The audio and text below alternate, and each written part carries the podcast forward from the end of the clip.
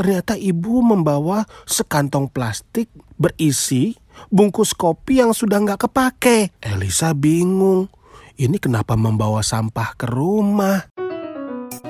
Dongeng pilihan orang tua.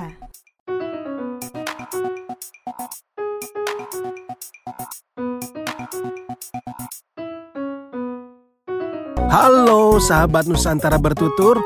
Wah, senang sekali Paman Giri bisa ketemu lagi kali ini untuk membacakan cerita yang ada di Nusantara bertutur untuk seluruh sahabat Nusantara bertutur di mana saja, ya. Dan untuk sahabat Nusantara bertutur juga, Paman Giri akan mengajak jalan-jalan pada setiap membacakan ceritanya. Seperti kali ini, judul ceritanya Tas dari Bungkus Kopi yang ditulis oleh Vela Khairul Isani. Nah, kali ini Paman Giri akan mengajak sahabat Nusantara bertutur untuk jalan-jalan ke Semarang. Pasti tahu kalau Semarang ada di provinsi Jawa Tengah. Betul. Dan di sana kita akan berkenalan dengan teman kita namanya Elisa. Suatu hari, Elisa itu sedang menunggu ibunya di ruang tamu. Karena hari ini ibunya itu berjanji untuk mengajarkan sesuatu kepadanya. Setelah ibu Elisa datang, ternyata ibu membawa sekantong plastik berisi bungkus kopi yang sudah nggak kepake. Elisa bingung, ini kenapa membawa sampah ke rumah? Ternyata Ibu Elisa memang berencana untuk membuat tas dari kantong plastik bekas kopi itu ya.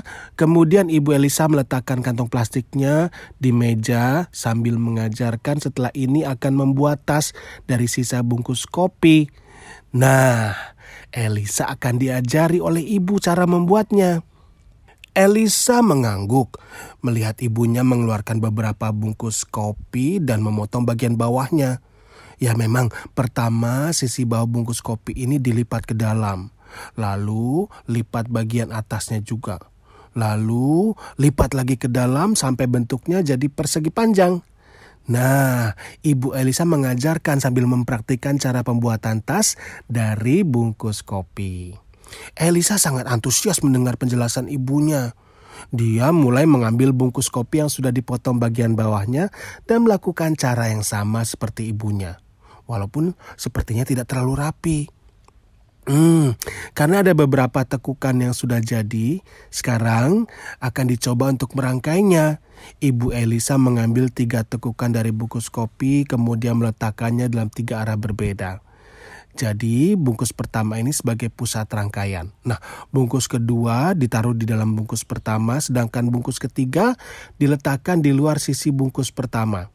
Lalu kemudian, wah ini apa ya? Oh dimiringkan sisi bagian atasnya, terus tarik, jadi membentuk segitiga bercorong.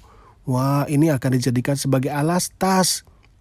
Hmm, Elisa mencoba cara yang ibu praktikan tapi sepertinya hmm, bentuk segitiganya tidak sebaik apa yang dibuat oleh ibunya ya.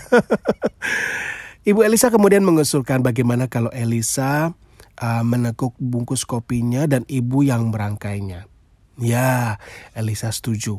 Nah, sahabat Nusantara bertutur, tidak lama kemudian, dalam dua jam, rangkaian bungkus kopi itu membentuk bagian luar tas yang kuat. Ibu Elisa kemudian mengambil kain fluring. Kemudian diletakkan di dalam tas dan dijahit supaya tidak lepas kainnya. Tas dari kopi sudah hampir jadi. Dan Ibu Elisa kemudian memberi sentuhan terakhir dengan memasang rantai, resleting, juga pengait supaya tas mudah dibuka tutup. Wah takjub ya. Elisa melihat tas dari bungkus kopi yang sudah jadi. Ia tidak menyangka loh hasilnya seindah ini. Elisa kemudian berdiri dan mencangklong tas tersebut dengan gembira. Hmm, tasnya bagus. Elisa suka. Ibu Elisa juga tersenyum. Ibu merasa senang karena bisa mengajarkan suatu keterampilan yang bermanfaat kepada Elisa.